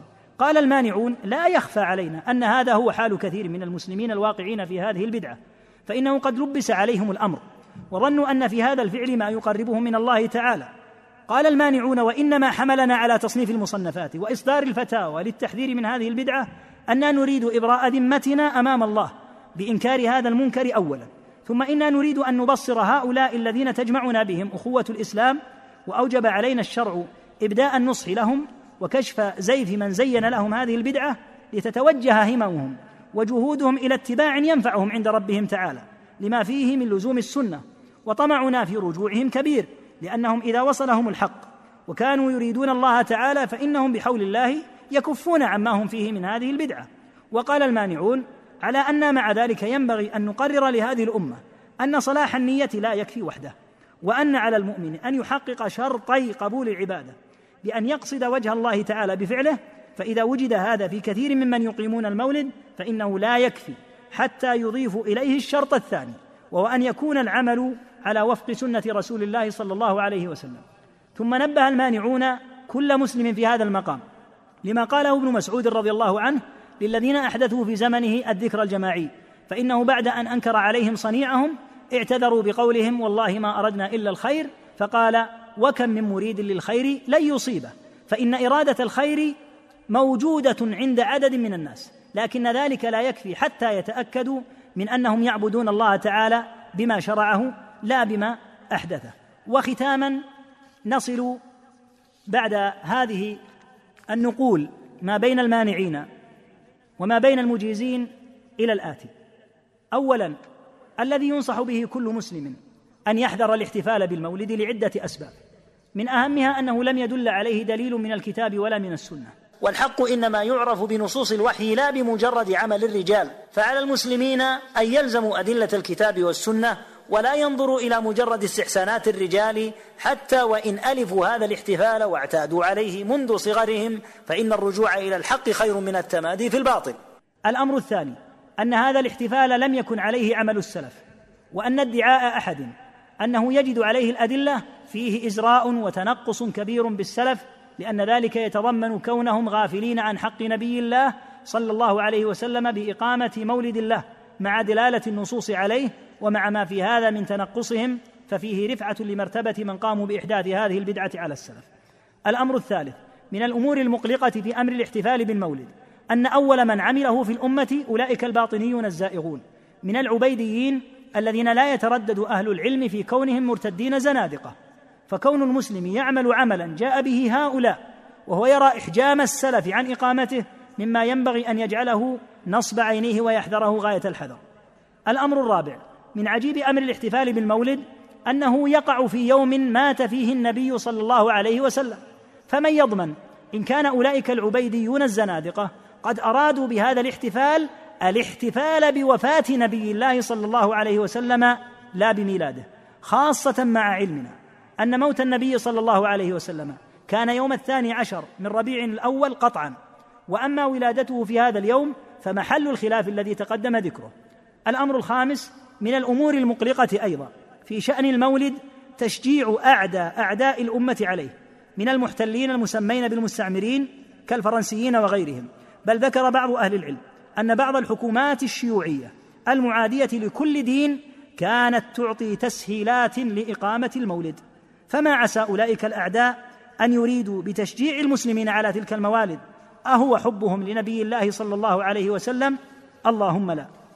نسأل الله بأسمائه وصفاته أن يجعلنا وإياكم ممن يستمعون القول فيتبعون أحسنه ونسأله أن لا يجعله علينا ملتبسا فنضل